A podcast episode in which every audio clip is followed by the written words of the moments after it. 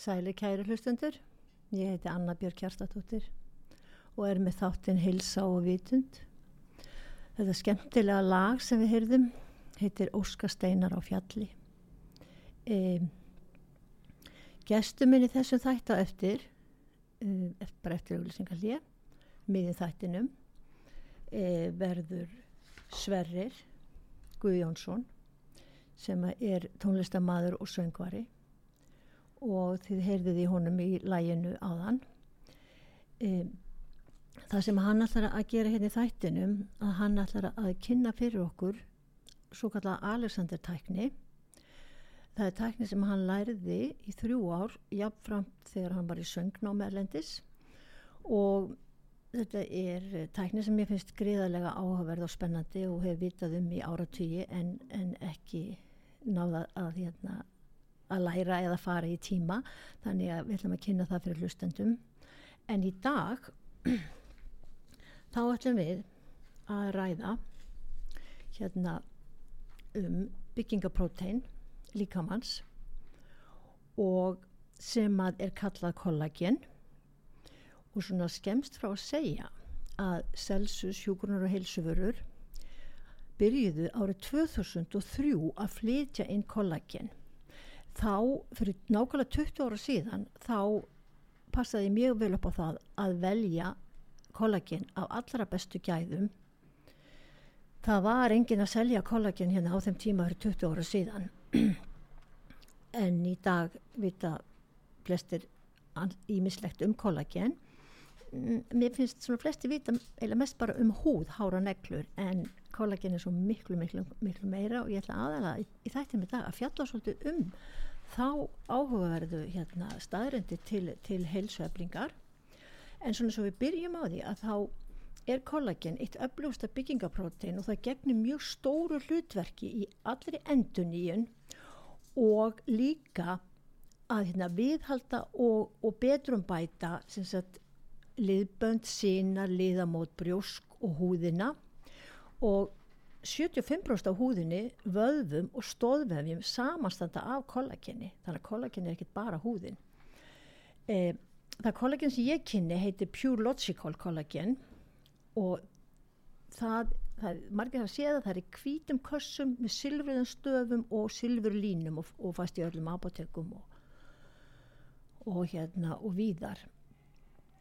En þetta kollagen það er því því er það er skilgreint eftir uppruna og þetta er e, svo kallar hydrolæst peftíð, það segja, það er vassbrótið og saminnar í því það eru það smára fingjarðar að upptakana líkamann er mun meiri en annars er mögulegt og árangur góður eftir því.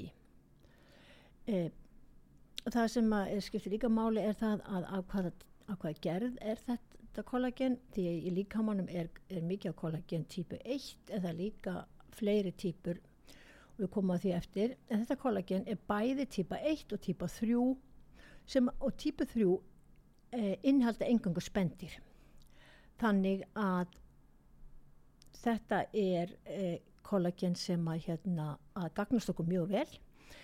Og hérna eins og eitt læknisaði mig í ymsum svona aðgerðum og, og, og feðruna öðrum þá er alltaf notað kollagen sem er sem líkast okkar eigin líkama. En almennt er vitað að stærð kollagensambandana er það stór að hún, hef, hún hefur ekki náða gagnast eins og þegar eh, hérna og þannig að það hefur öllur rætt um að getum við nýtt okkur kollagen í intöku og í áratíu var það vandamál. En eftir að uh, nokkru framlendur fóru að gera það að að brjóta niður í örsmá og fingjarðar sammyndir þá getum við nýtt okkur það mjög vel. En í kollagenni eru 20 aminosýrur, það er glúkosamin og kontrotín sem við þekkjum mjög vel um mikilvægi þess fyrir liðina og hérna e, eins líka fyrir mýkt raka og tegjuleika húða, liðamóta brjósk og sína og fyrir hára neglur. Og með því að taka Pure kollagenin þá hjálpum við líkamann til að örfa þess að náttúrulega kollagenframleðslu líkamans. Og það er það sem að gerist í djúpsöfninum en við intökuna á þessu kollageni að þá verður djúpsöfnin yfirleitt mun betur hjá fólki. Um, við vitum líka það að þó líka með framleiði kollagen aðalega semst í, á nóttunni í djúpsöfninum að þá er það þannig eftir 25-30 aldur að þá fer að draga úr framleiðslinni og allt í samræmi því að hvernig við finnum fyrir auknu styrleika mm, eimslum í, í sínum og, og hérna og kollagenþræðinni þeir brotna nýður og tegjanleiki verið minni bæði í húðinni sem eru slakari, hruggur og svona annað það er vegna þess að þessi þræð, bandveist þræðir og, og þekja er að brotna niður. En það er hægt að endur heimta og það er mjög mikilvægt hilsufarslega af mörgum ástæðum. Um, en eitt af það sem er langt að byrja að taka fyrir það er kollagen intaka getur haft mjög jákvæð áhrif á augnhelsu og halda un augunum ungum e, nýla rannsóknir það sína að skortur á kollagin í augum er einn helsta orsök fyrir gláku. Algengasta tegund gláku er hægfara, hún er væðarlaus og hún veldur á nokkra viðvörunar, skemdum og taugaþráðun sem tengja augun við heilan. Hvernig má þá vera að gláka tengist kollaginni? E, Skulum byrja því að svona hörnun í augum tengist yfirleitt aldri því eldur sem verðum og þá má tengja við þá staðrunda líka með hægir að framlistu kollagins og náttúrulega hátt þegar veldums. E, Þess vegna getur stöðu intaka stuðlað að, að betri hérna, heilbreyði og er mjög mikilvægt fyrir augnhelsu en það er rannsón sem hafa verið gerða sérstaklega á kollagin og hlutverki þeirra við að viðhalda heilbreyðisjón e, sína að kollagenið er að bæta semst augnhelsu að því að tegjanleikin í vöðvunum, líka tegjanleikin í smáæðunum og öllu, öllu vögvarensli sem er í tengist augunum það hefur mjög mikið að gera með að kollagenið sé það mikið í, í þessum vefum að heilbriða augans haldist. Til dæmis sína þess að rannsóknu að kollagen bæti mjög augþurk og þannig að það er til dæmis efst á fæðbótarefna listanum eh, til dæmis varðandi aldurstengta sjónskerðingu og þar með getur við slegið svona kannski tvær flugur í einu höggi. En það má kannski útskýra aðeins að, að bara til dæmis það sem er kallaðir skí á auga eða drér það er kristalli himna sem myndast á linsu augans og hindra sjón. Eh, glákan kemur til vegna aukist þrýstingis í auganu þegar ekki er hægt að tæma venjulega vöku út vegna stíplu og þar kemur nákvæmlega kollageni til sögunar. Í báðum tilvikum hefur sínt fram á aukin intak á kollageni hefur verulegan ávinning í baráttunum við þessi auktendu vandamál. E, Fjölmarkar ansvun hafa verið gerðið tengslu við gláku og minkandi kollagen þannig að útflæðu augans verið betra og, og við höldum sjóninni lengur. E, til þess að nota tíman vel áður en gesturinn kemur að þetta er nú senkað aðeins hérna út af öðru þættu undan. En þá finnst mér mjög áhugavert að hérna að ræða líka þetta e, það er þetta varðandi munhelsu það, er, það eru tennur. Og hérna kollagin hefur, hefur mjög þýðingar með hlutverkja gegna þar. Eða við vitum það, tennur, það get ekki endunist eða laga sér sjálfa, það allir komist að því og, og, og hérna sæðlaveski okkar líka.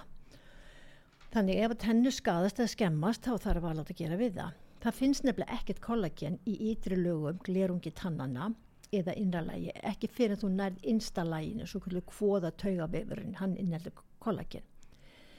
Bein líkamast aftur á móti þau eru lifandi vefur sem getur endunjast Bein eru gerðu kollageni og kalsíumfosfati.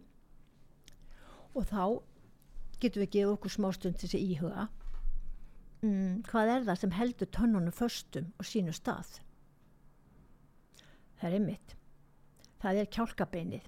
Það er kjálkabeinið sem umlikur rætur tannana og reynda líka tanninnplanta. Þau þurfa að gróa först í kjálkabeininu Þannig að það er mjög nöðsilegt að, að það sé nægilega gott bein og eh, helst ekki beinrýrnun til þess að, að halda tönnunum og við veitum það að með hækkandi aldrei þá er stundu tannlós vandamál og tannholdsbolgur allt er þetta samtengt þannig að með intöku eins og Pure kollagini þá getum við bætt mjög tannhelsu okkar og viðhaldið hérna tönnum og heilbreyði hérna. E, þannig að við veitum núna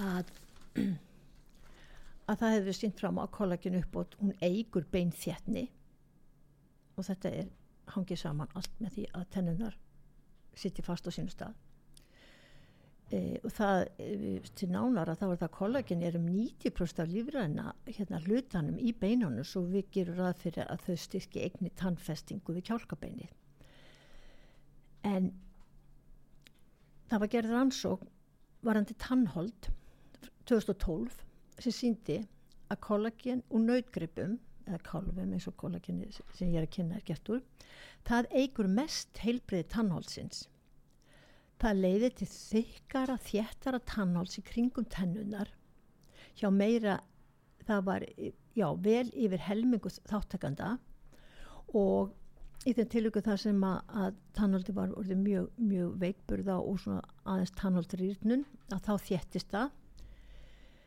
En hérna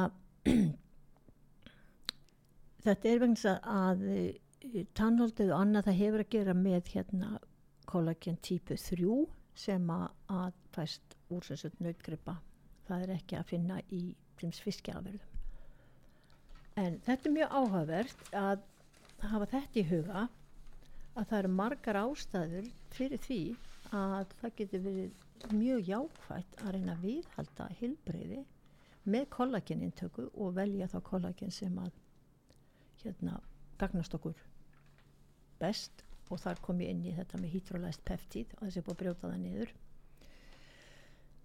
En áðurna gesturinn kemur til okkar að því ég veit að hann eins og því ég hef búin að segja ykkur hann er söngvari, tónlistamæður hann hefur mjög mikið rætsvið, háaröld og hérna eitt af því sem að gerist þegar við verðum eldri það er ekki bara það að húðin verði svona aðeins slakari og heldur líka rattböndin e, það eru kol kollagenþræðir innan rattbandana sem gerir þau nógu sterk til að mynda þessi svo kvöldu týtringsáhrif rattböndin þurfa að strekkjast þurfa að slaka á til að stjórna hljóðmyndun á fínustu blæbreyðum í söng og reynda líka þegar við erum bara að tala þá þurfum við, þá notum við ræðböndin kannski ekki alveg svona til ídrasta en kollagenþræðinir þeir stuðla að tókstyrk þjættleika í ræðböndunum og hefur áhrif á ræðheilsu en með aldrinu þá tapar bæði ræðböndi bæði kollageni og haljónasýru þannig að ræðbandi sígur alveg svo húði myndi gera. Þannig það má segja að þau missi fínleika sinn. Þau eru líka ofur viðkvæm vegna þess að ratbundin þau getur auðvitað árið fyrir skada bæða af rángri ratbendingu og það getur gesta hvaða aldrei sem er. En það kom aftur að þessu að kollagen upp í staða ratbandana er típa 1 og típa 3 svo samó er í pjúlótsikál og þau er það mjög ánægileg viðbót ánægilega ávinningu fyrir alla sem taka inn þannig kollagen og þá er ekki að minna bara söngvara heldur ég held að alla langa til þess að finna það að röttin að hún, hún sé í samræmi við hvernig okkur líður, hvernig röttin var og hérna halda röttinni e, sem fjölbreytast til að geta náð ymsum rattónum hvort sem við erum að syngja eða tala. Aukið hefur verið sínt fram á með rannsóknum að kollagen það mikið örfið Þessir eiginleikar gera kollegininu ákjósalegt, mjög ákjósalegt sem meðfellis að styrkja og auka tegjanleika ratbandana.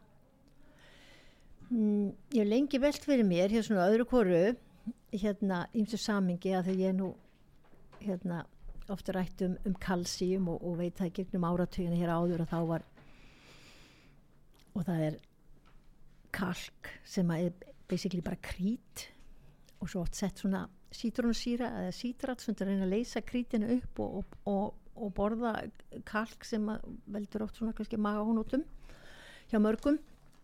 En það, við þekkjum líka söguna hérna með Ulfin sem að hérna var að reyna að, að hérna að plata grísina þrjá sem hann langaði mjög mikið þess að geta og til þess að hann myndi ekki þekkjast þegar hann væri bankað innar og, og segjast vera mamma þér að þá, þá átt hann krít til þess að breyta röttinni og ég ákvað núna bara eða kanna hvort þetta væri bara sögursögn e eða hvort það væri eitthvað til í því.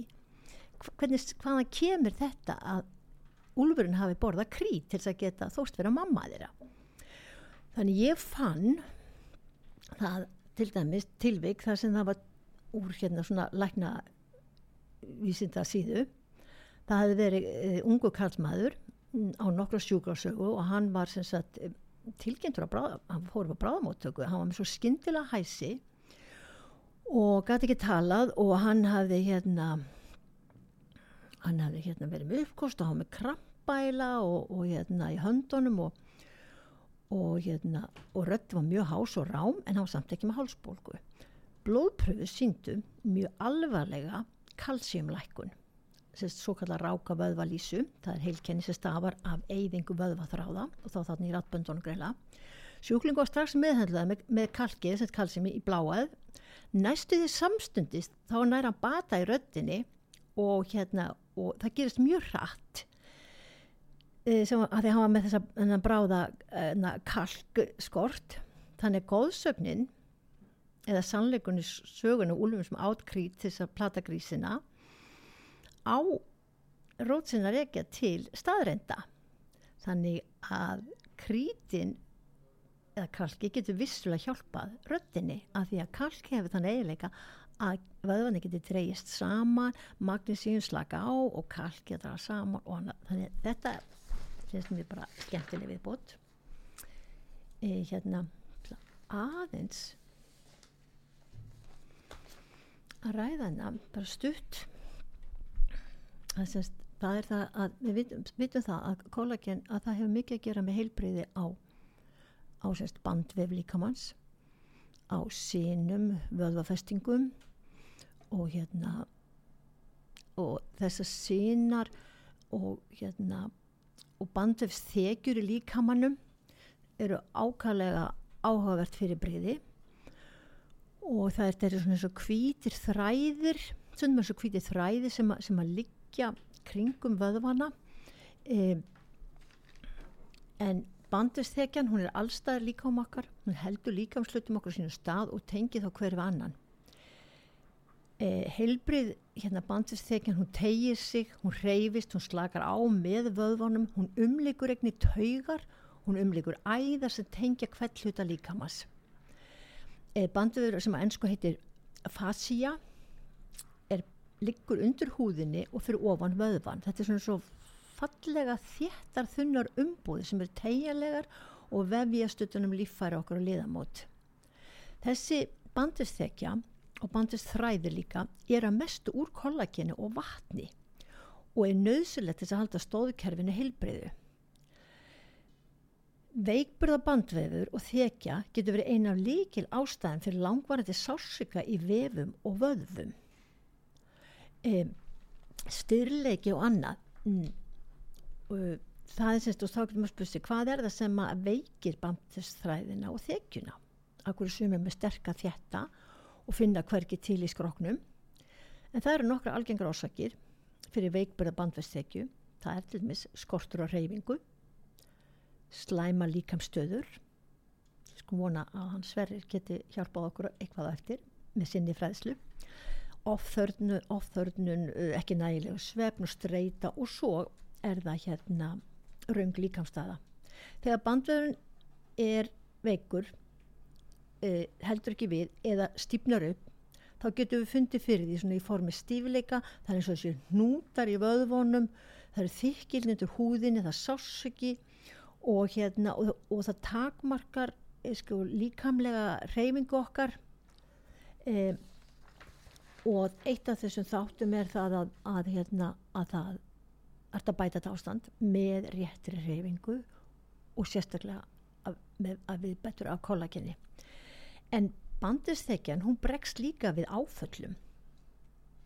E, eins og þau verðum fyrir, fyrir skada eða slísum e, hún ber ábyrð því að bú til örfu til þess að við meiðum okkur. Og þegar við stýpnum upp á álægi eða skada til þess bara fótbrotnum þá þéttist bandisþekjan og, og vöðvanir herpast sama þá má líka það við að vöðvanir í kring verði bara svona svo gifs í kringu skadan eða brotið til þess að koma veg fyrir frekari skada og þetta eru gríðarlega átök fyrir líkamann. En síðan slakna á smásumann að þessu þegar, þegar að meinið hérna verður hérna bætist og broti græri eða hvað sem það er en þetta gerist líka þegar við verðum fyrir eins og svona andlegum áföllum að þá stýpnar upp og hérna og fólk verður held ekki ofta verkjum um allan líkamann á þess að það finnist endilega skýring. En margir af því að það, það sé akkurat bandvist þekjan sem að spila það stórt dæmi. En tegjur til að létta þess að stýpni er mjög mikilvægt þess að komið vekk fyrir langvarandi e, mingun á reyfisviði og enn meiri skada og það er hann eina ástæðan fyrir því að hans verið Guðjáns kemur inn núna eftir smá stund en það er svo merkilegt, ég er bara hver hlustandi til að kynna ykkur um bandvefsþekjuna. En hún er líka eins og skinnfæri og hún hefur líka gert með flutning og raforku. Og hérna þannig að hún vinnur svona í samræmi við náttúrulega raforku líkamans og teitring við að flytja bóð frá einu líkamslutuð annars og það er mikils að vinna að viðhalda og auka kollageni líkam okkar. Þannig að hérna ég held svona að þið verður nú að nota tíman vel að þá langar mér bara svona aðeins lókin á þennan að auðvisingalíða kemur. Þá langar mér að segja frá því að hérna það var mjög glæsileg kona sem að átti mikið vandamál að stríða í, í, í njám hún var hún hérna Helga Mölle barnabókuhöfundur og fyrir um fyrirsæta. Hún var eina af þeim fyrstu sem að byrja að borða, borða hérna Pjúlótsikól 2003 vegna þess að, að það geti auki tegjuleika húðarannar og hún keiptaði upp að fyrir það. Og hérna styrkja neklur og hár og varna þjættari og hún sagði hérna að það reyndist rétt, húðin er mikið sléttari búin að þjætta sig og miklu mýgri meiri raki og, og bara í öllum líkamannum þá er húðin mjúk og rakafyllt en það er svo komið þægilega óvart að það reyndist gera miklu meira gagg sem hún átti ekki vona þá. Það gerðist undraverk með alla liðina og það reynst mér mjög vel eftir liðþófa aðgerð, rauna betur en öllur önnur efni sem ég var áður reynd í þeim tilgangi. Þannig að hérna og enn heyri ég ánægi fólks með þetta kollagen. Þú veist, mér finnst þetta vera segja viðskiptavinni, mér finnst þetta bara undraverk og, og margir segja líka í samanbörðu við margt annað. En þegar þetta kom fyrst á markan í Breitlandi að þá voru meðal annars hérna, hérna, hérna Madonna í svona, svona tímarita tilkynningum sem, sem hérna notandi á hérna Pjólótsikól þeir hafa fengið fjölda verðluna þeir hafa líka verið í blind svona, svona, svona klíniski blindstúdíu. Þá veit við komum ekki hvaða kollagina fekk frá hverjum um, í, í bæðiskipti núna fyrir, fyrir nokkrum árum og þá þá var það Pjúlótsikól sem var í fyrsta sæti með besta árangurinn.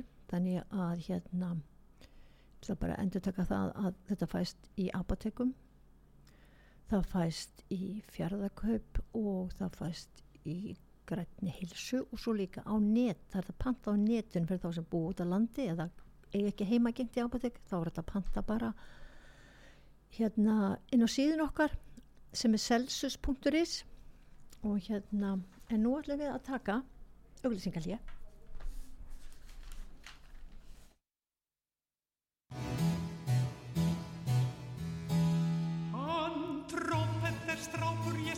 það satt hann svarar því skrýtna nafni og spilar á flautu ján tækt sem hratt og hergetur eftir hrafni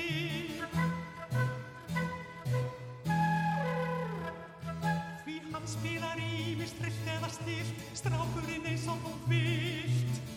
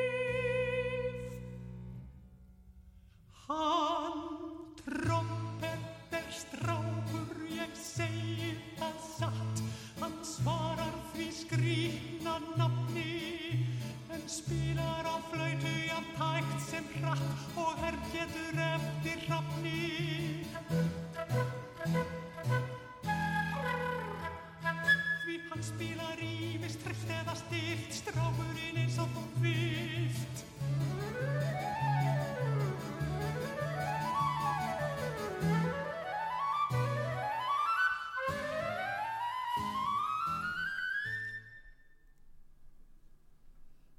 Sælir hlustendur, hér er komið gestur, Sverri Guðjónsson, hann er sestunni hjá mér, hjartalega velkomi Sverrir Takk fyrir.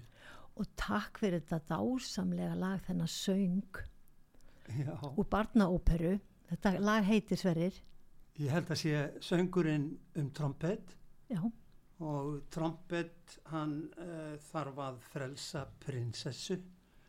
Og uh, við fluttum þetta hjá Íslensku óperunni í gamla bíói fyrir löngu síðan. Já, og uh, það var meiri séð gert myndband sem að voru þá mm, unnin og uh, Marta Guðrún Halldórsdóttir söng þarna Mm.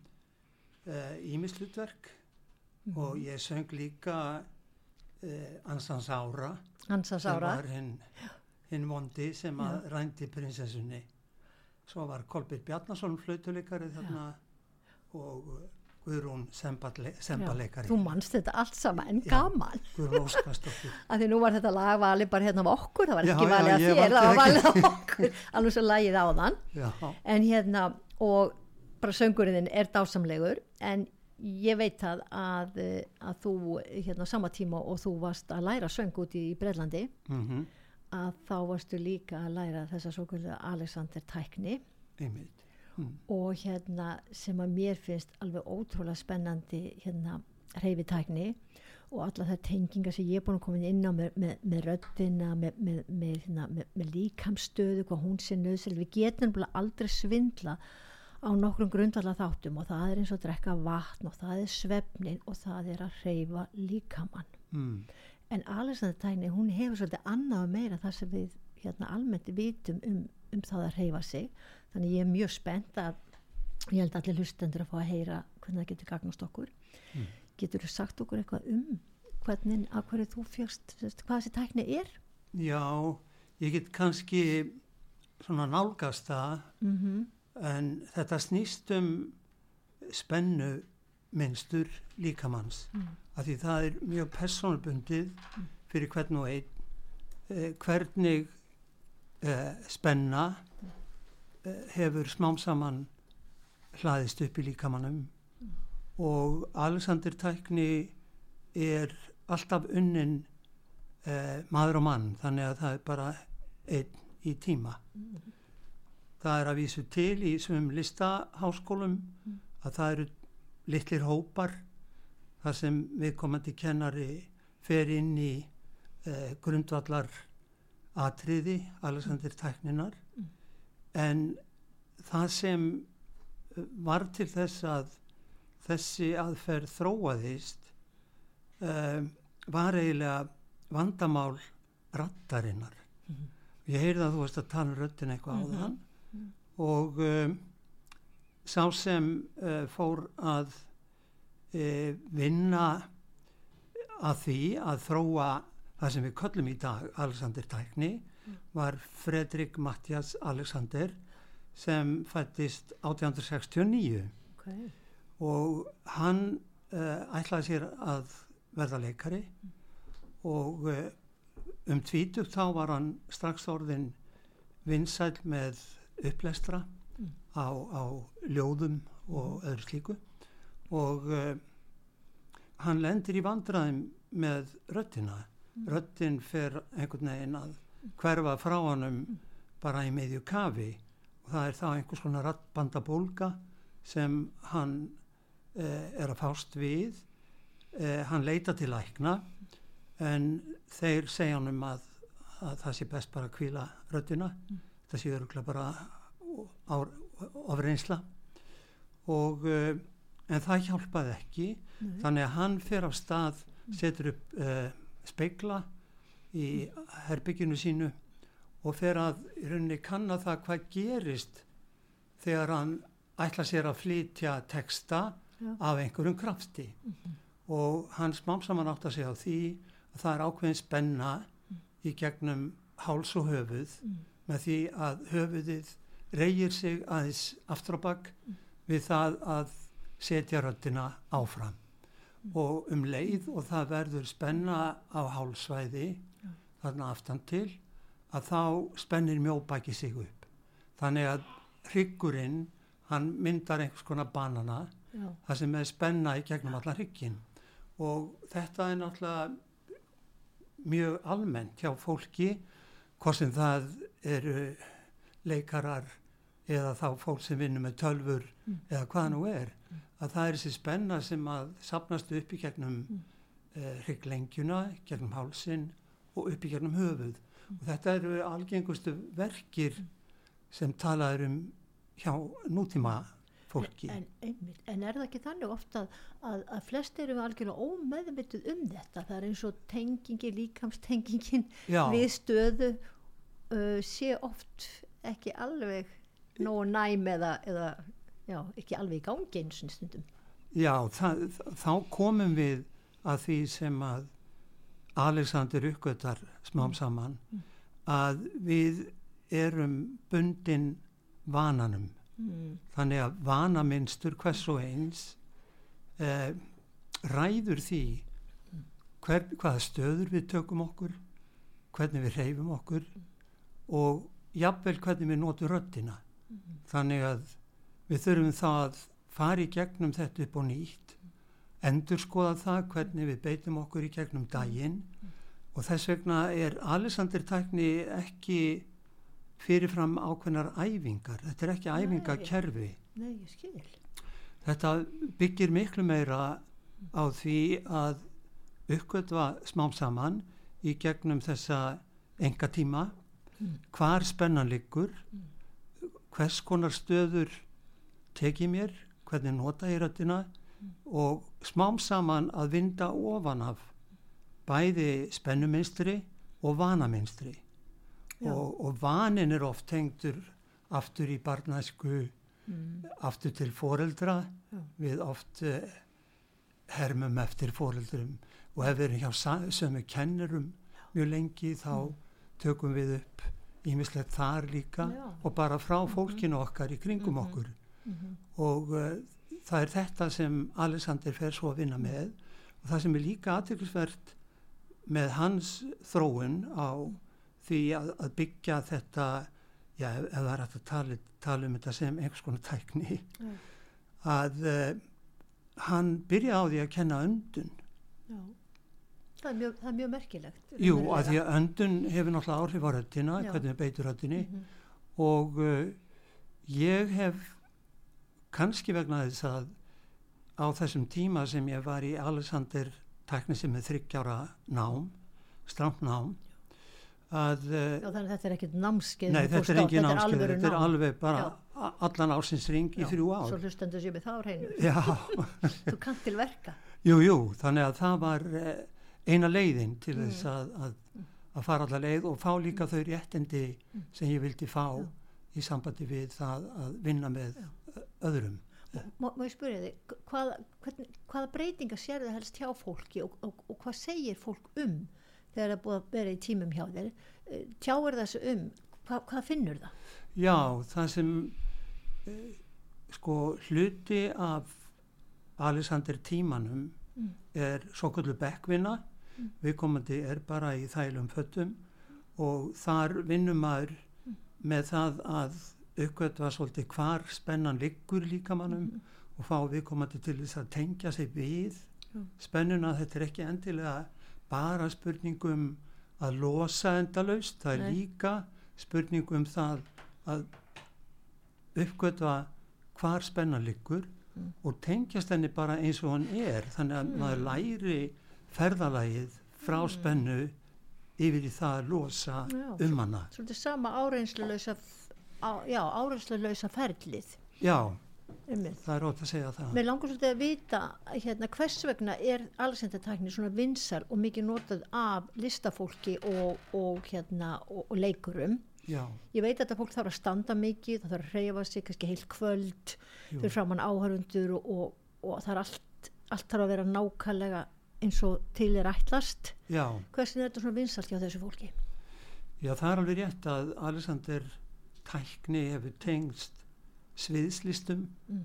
það er eh, þá tónlistafólk söngvarar, leikarar eh, og eh, þau sem að er að framkama gjörninga en þá erum við komin náttúrulega yfir í almenna sviðsvinnu sem getur verið bara að standa upp og tala Já. segja nokkur orð í Mm. ammælishófi Mm. eða þá að stjórna ráðstefnum Mm. ég hef fengið e, svolítið að þannig fólki Mm. sem vil vinna með röddina Mm. og e, eins sviðs Mm. hræðslu Mm. sviðs óta og þetta tengist allt inn í þessa vinnu hjá ef við tökum listaháskóla, hvort sem Mm. það er tónlist eða leiklist að um, það hefur bara reynst mjög vel gagvart Mm. þeirri vinnu sem Mm. að er oft mjög Mm. krefjandi Mm. Og mikil átök og það er oft ákveðin spenna sem að byggist upp í kringum það að koma fram Já. sem jáfnvel byrjar löngu áður en þú ert Mhm. komin á sviðið Mm. og mín vinna kannski byggir uh, töluvert á því að fá viðkomandi, viðkomandi til þess að átta sig á því uh, hvar byrjar spennan Já. byrjar hún kannski nokkur vikum áður Já. en þú ert að takast á við eitthvað verkefni Akkurat, nákvæmlega, en það sem að ég, sko, þegar ég sá, sem kynntist þessi nasasjón sem ég fekk að alessantækni, hvað þetta væri, Já, það sem ég fann svo hilland var þetta, að yfirleitt flest öll, við bara stöndum upp úr stól, bara einhvern veginn, og það getur verið heilmikið átak fyrir marga, jú, og svo setjust við, og það má næstuði segja að það jáður við að vera að fólk hlungast einhvern veginn bara onni stólinn, algjörlega tilvíðan kent. já, já, En þarna sá ég síni kensla á því hvernig er þetta standa upp eins og það sé ekkert átak eins og, eins og bara þingdaraflið bara sé ekki til staðar. Og, og þannig að manneskjan bara eins og, eins og bara eins og fjöður og, þú veist, og ég veit alveg að þetta hefur ekkert að, gera menn til að margir halda sem þess að grænt fólk er miklu auðveldra með þetta. En ég veit að grænt fólk, það getur verið dásamlegi dansarar. Svifið, sko nei hérna líka en það getur líka verið opaslega styrt já, að samaskapa fólki mikill yfirþyngd. Það getur bara svifið um. Einmitt, eins og, eins og svanir bara um, um hérna gólfið. Eh, að þess vegna er ég að hugsa um þetta sem þetta segir, þú veist hérna hérna e, e, þetta að, að, get, að getur fólk náð tökum á því að, að bara að líða eins og í þingdaleysi með líkamann í gegnum þess að tækni?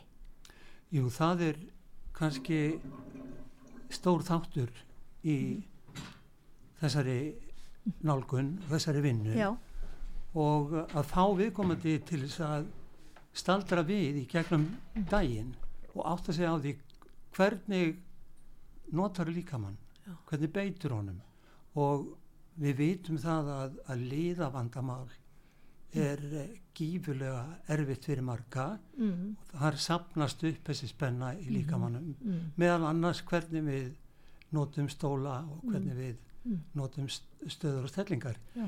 en við getum líka sko litið á þetta út frá börnum, hvernig Mm. þau reyfa sig þau, við höfðum þetta einhvern tíma, Mm. öll Mm.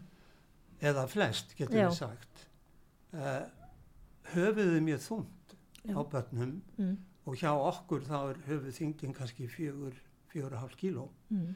þannig að í Alexandertækni þá reynum við að nálgast þessa vinnu sem að Mm. við kunnum einhver tíma Mm. að það er að, að vinna létt í gegnum líkamann Mm. létt í gegnum alla liði Mhm. en hugsunin þarf þá að snúast við Mm. hún verður að fara upp í gegnum líkamann að því að aðdrastara bjarðar tógar okkur alltaf niður Mhm. og síðan er höfuðið þungt og náttúrulega Mm. saman Mm. og ef við hlemmum okkur ofan í stólana og sitjum eins og kartöflupóki yfir sjómarpun og tölvum þá hefur það það allan bæ.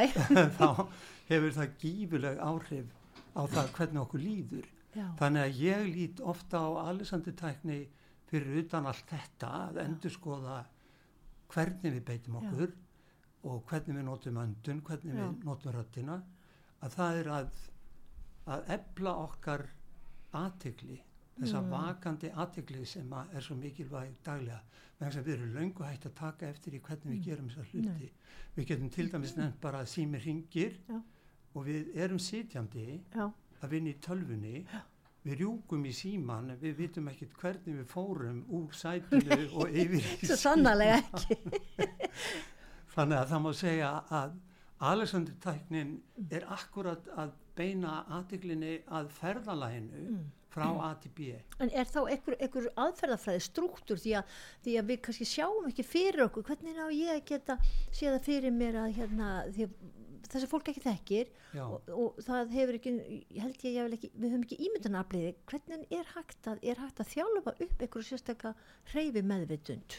Já, og það er akkurat það sem er gert í þessum tímum að uh, það er unnið að hluta til á bekk Já. síðan er unnið í gegnum reyfingu Já. við vinnum alltaf með stólinn líka til þess að átt okkur á því hvernig við komandi beiti líkamannum bara Já, við þá Þú, reyfingu þú fylgist með því og Já. sérð. en það er mikilvægt að segja að nota ekki þá aðferð að þú notar sínikenslu og, og segir ok, þú átt bara að standa upp og setja svona Já, það að- er ekkert að fá sér myndband því það er að það sem allt patent fólk hugsa. Ég fæ mig bara myndband Já. og læri þetta.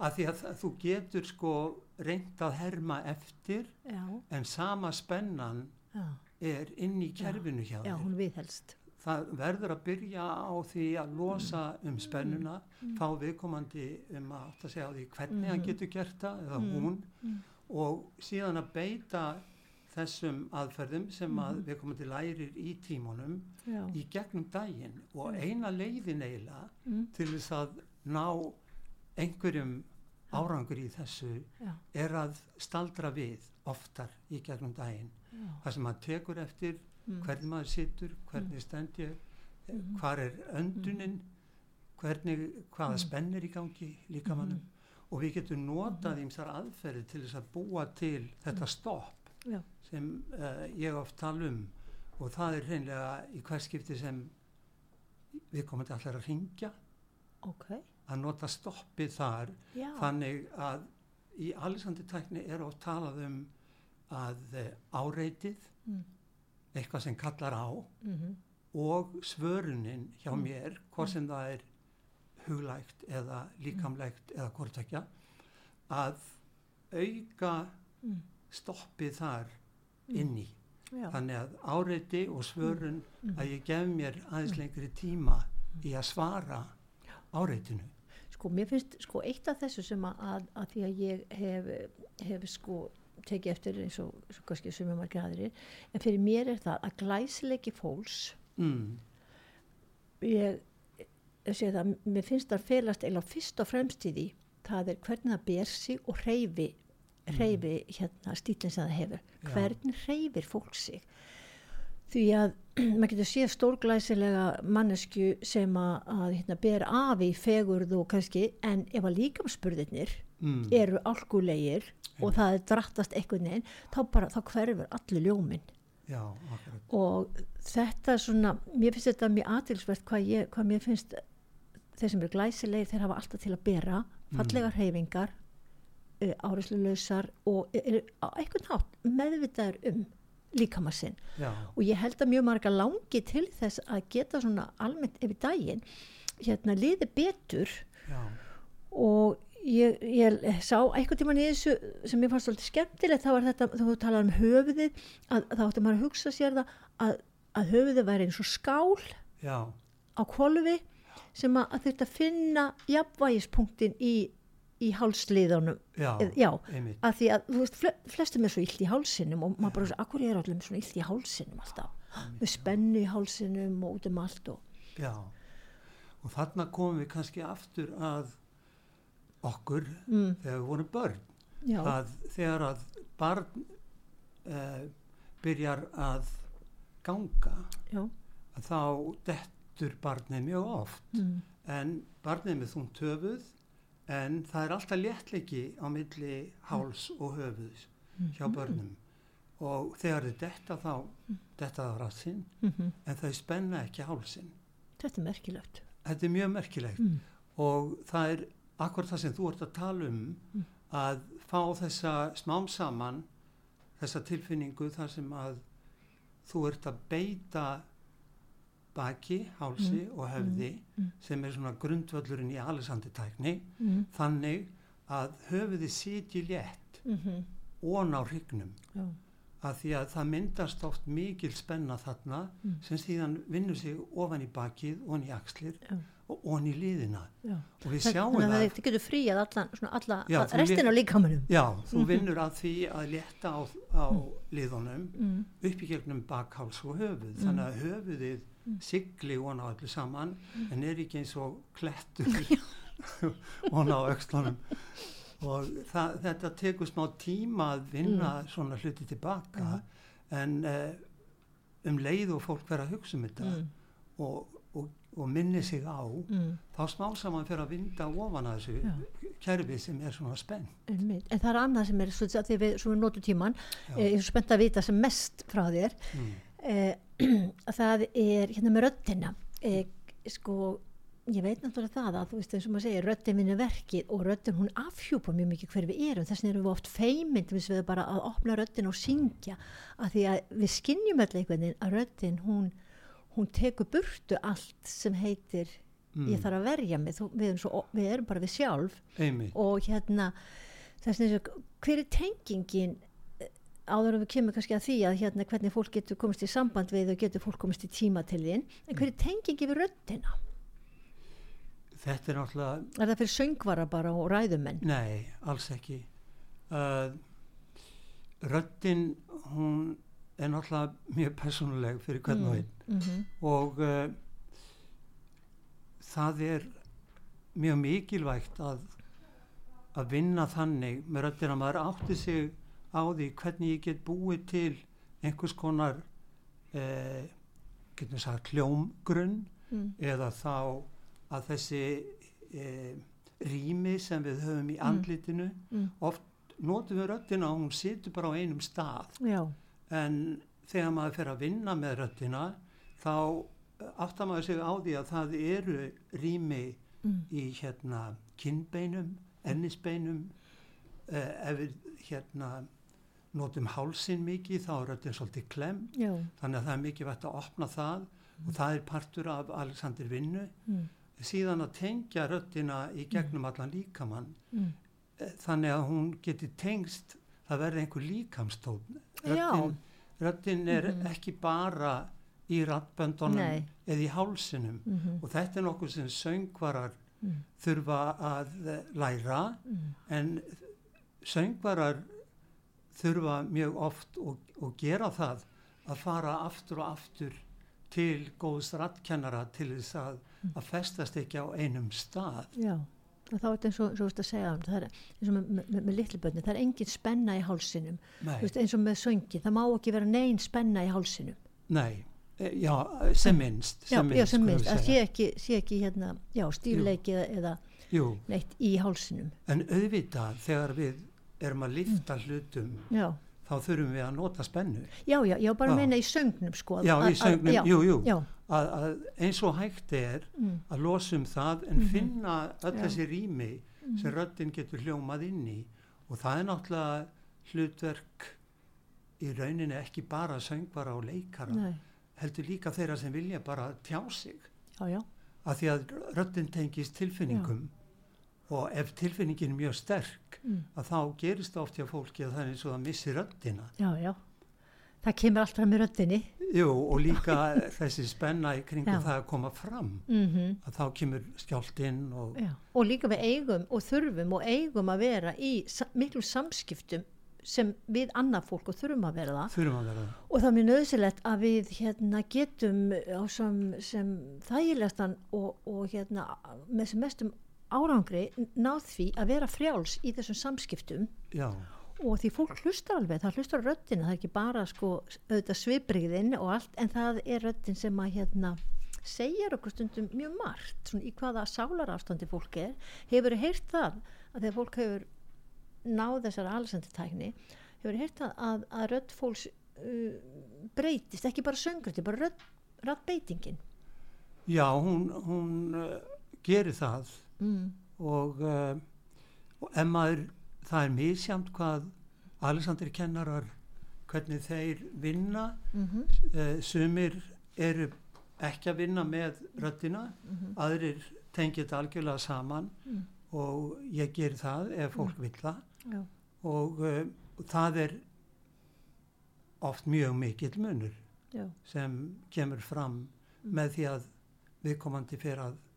Vinna að því Mm. að endur skoða líka spennuna. Það er ekki bara röddin, heldur spennan í líkamannum Já, en þetta er samt sem áður ekki eins og einhver getur hugsa svona já, er þetta bara einhvers slags jóka já, það er, getur trúið það sé algengt að já, það eru margir sem kannski halda það mm. en þess vegna hef ég oft sagt það er, það er auðveldar að segja hvað Alessandri tækni er ekki. Já, og það er ekki jóka til dæmis. Og það er ekki leikvimi og það er ekki Mm. fyrirfram ákveðnar æfingar. Mm. Ég vil uh, kannski lýsa í þannig að þetta sé uh, endurskoðun á spennuminstri mm. og síðan uh, getum við sagt hugarminstri þannig að ég vil tengja þetta við vakandi aðtegli og Mm. vitund Já. sem er nú partur af nafni þáttarins, Já. er það ekki? jú, vitund Já, líkamsvitund, bara hérna sálarvitund, alheimsvitund alla vit- vitund. að orðið vitund nær, nær þessu mjög vel. mm hérna, hérna hvernig getur fólk hérna nálgast þig, getur það bara fundið í símaskráni og, og, og hringt og aðtóa hvernig það Jú, jú, ef, ef viðkomandi hefur áhuga þá, þá er það langt best bara að, að flett upp Mm. já.is eða eitthvað álíka. Já, Sverri Guðjónsson, en segðu mig Sverri, hérna, er, er fólki vild að koma hvað einu sinni viku eða tvisar í mánu eða hvernig er það? Já, yfirleitt þá, þá ráðlíki fólki bara koma fyrst í eitt tíma Mm. og átta sig á því út af hvað það gengur af því að það, við getum tala til Elia Nóns og það er erfitt Já. fyrir fólk að átta sig á því Mhm, hvernig nálgunin er og síðan er hægt að taka ákveðni framhald af því. Það er misjant hvað fólk eh, bæði þarf og vill taka marga tíma mhm, en ég tala oft um að, að svona lámark til þess að ná e- einhverjum tökum á því að, að breyta sínum vana og, og, Mm. og, uppgötva mhm. því að stór partur af þessari vinnu Mm. er að uppgöta hluti upp og nýtt Já, að þá þá, uh, þá tala ég oft um já, svona allavega tíu skipti já, ummitt. Þannig hérna að eins og ég hef eh, upplifið að þá, þá geta flest allir náð tökum á þessu. Alveg óháð aldrei og öðru. Þetta er, er ávinningu fyrir alla að ég algjörlega nefnilega með grunar að það opnist bara alveg nýr heimur og vitund við það að, að la, fá leiðbenningu og við Já. þetta. og það er líka annað sem að við þekkjum vel og, og sjáum í kringum okkur Mm. að eftir því sem við eldumst Mm. að þá er eins og fólk mingi það, það skreppur saman á einhvern mm og það er partur af þessu líka að, að við svona gefum eftir mm. að þungi höfu sleitar hann í líkamann og allt leita niður Mm og líka aðdraftar að bljarðar tógar í okkur. Þannig að, að þessi viðsnúningur er bara svo mikilvægur gagvart almenni heilsu líka Já, það er það sem ég er um fyrst eftir vegna þess að ég sé alveg oft, þegar ég horfa á fólk, þá sé ég alveg hvernig, hvernig líkamsorkan, hún Jú. fær ekkert að flæða. Það er Nei. ekki þessi kraftur sem það býr yfir, þetta er allt læst inni já, og þetta er einmitt þess að segja geðast tótt með aldrin, en því miður sé þetta líka hjá ungu fólki. Já, já, og ég sé líka eldra fólk sem hefur alveg þvílíkan kraft í líkamannum og, það, og þetta endur nýja frumunda, þetta, þetta gefur líka andlega kraft að, að leifa hérna. Þessna var ég nú kom inn á þetta með, með, með bandvistþekjuna og, og hérna hvað mikilvægt er það að ná að opna og halda tegjanleikanum í öllu til þess að þessi líkamsorka uh, fái að flæða þó auðvitað vinnur þetta allt saman en mér, mér finnst þetta mjög áhugavert og ég er langar að hvetja hlustundur til þess að, að finna sér til dæmis eins og alveg sem þetta tækni því að það er ekki allra að fara í einhverja rækt og það er ekki allra að ganga í ringi mikla göngutúr og við þurfum að ganga við líka manni gerðu fyrir hreyfingu en hérna mér finnst mjög áhugavert og komst hérna og ég er mjög sem um þetta með, með röddina að því að mm, hérna vegna þess að það er a- öll fyrirbriði gefa raunverulega frá sér hljóð. Jú, jú, jú, og hérna á sama skapi að þegar okkur, þegar mikil sársöki hvort sem að líkamlega andlegu þá er oft eina sem að léttir á það er að búa til einhverslega hljóð. Ég held að fyrsta lægi sem var sungið í alheiminu hafi verið æj, æj, æj, ó, ó, ó, ég held að þessi fyrsta lægi sem var sungið. Við, við, við lærðum ekkert að, syngja upp að við bara, við, við bara búum yfir þessu að létta á og líka hafa gaman að syngja jú, og hérna að nota röddina þannig að mér finnst þetta skemmtileg samspil sem ég hef ekki heyrt áður í neinu, neinu hreyfingu. Já, það má segja líka sko mín þróun í sambandi við bara röddina og söngin já, að ég smám saman fór meir og meira inn í það að uh, nota hljóð. Já, hljóðgjafa röddina sem hljóðgjafa og ég hef gert það með fólki að fá viðkomandi til þess að átta sig á því mm, að röddin getur gert svo margt mm, sem að maður þarf ekki endilega að sína í gegnum það að syngja lag. Nei. Og uh, þetta hefur verið mjög spennandi fyrir mig sko. mm já, maður þarf ekki endilega að vera að syngja lag. Nei, alls ekki. þú meina allir eins og þegar maður þarf að tegja sig að, að maður leifi sér það að búa til smá hljóð með, með hérna með, með axla baktegjunni Algjörlega, Það algjörlega er bara stundur sagt heima með þarftu virkilega að búa allir sér hljóðu til þess að tegja þig eða eitthvað svona? Já, eiginlega, þá þarf ég þess. Já. þegar mér líður bara svo vel með það. Það losar um svo margt. Er það var dásand að fá því sverir hérna, er, ertu, gefur upp símanúmer svo fólk getur hringt bara í þig Uh, Ég held að sé betra að viðkomandi finni það bara já, það finnur það bara í Já. Sverrir Guðjónsson Já, söngvari. Já, uh, og hérna og þeir sem hafa áhuga. Og ég hérna ætla bara að þakka þér kærlega fyrir að koma og ykkur hlustundum að hlusta. Og ég held að þetta hafi vakið upp ymsa, ymsa hugsanir og, og kannski ný plön og kannski einhverja drauga. Og einhverja dreyga sem við, þið takið þá glímu þið eru alveg hlustendur sögu eru sko sannlega fólk til að, að taka þá glímu. Það er bara að þakka fyrir þáttin í dag kærlega og svo hittust við aftur 20. og annan mars. Þá verður annar gestur líka hjá okkur. Bara takk fyrir í dag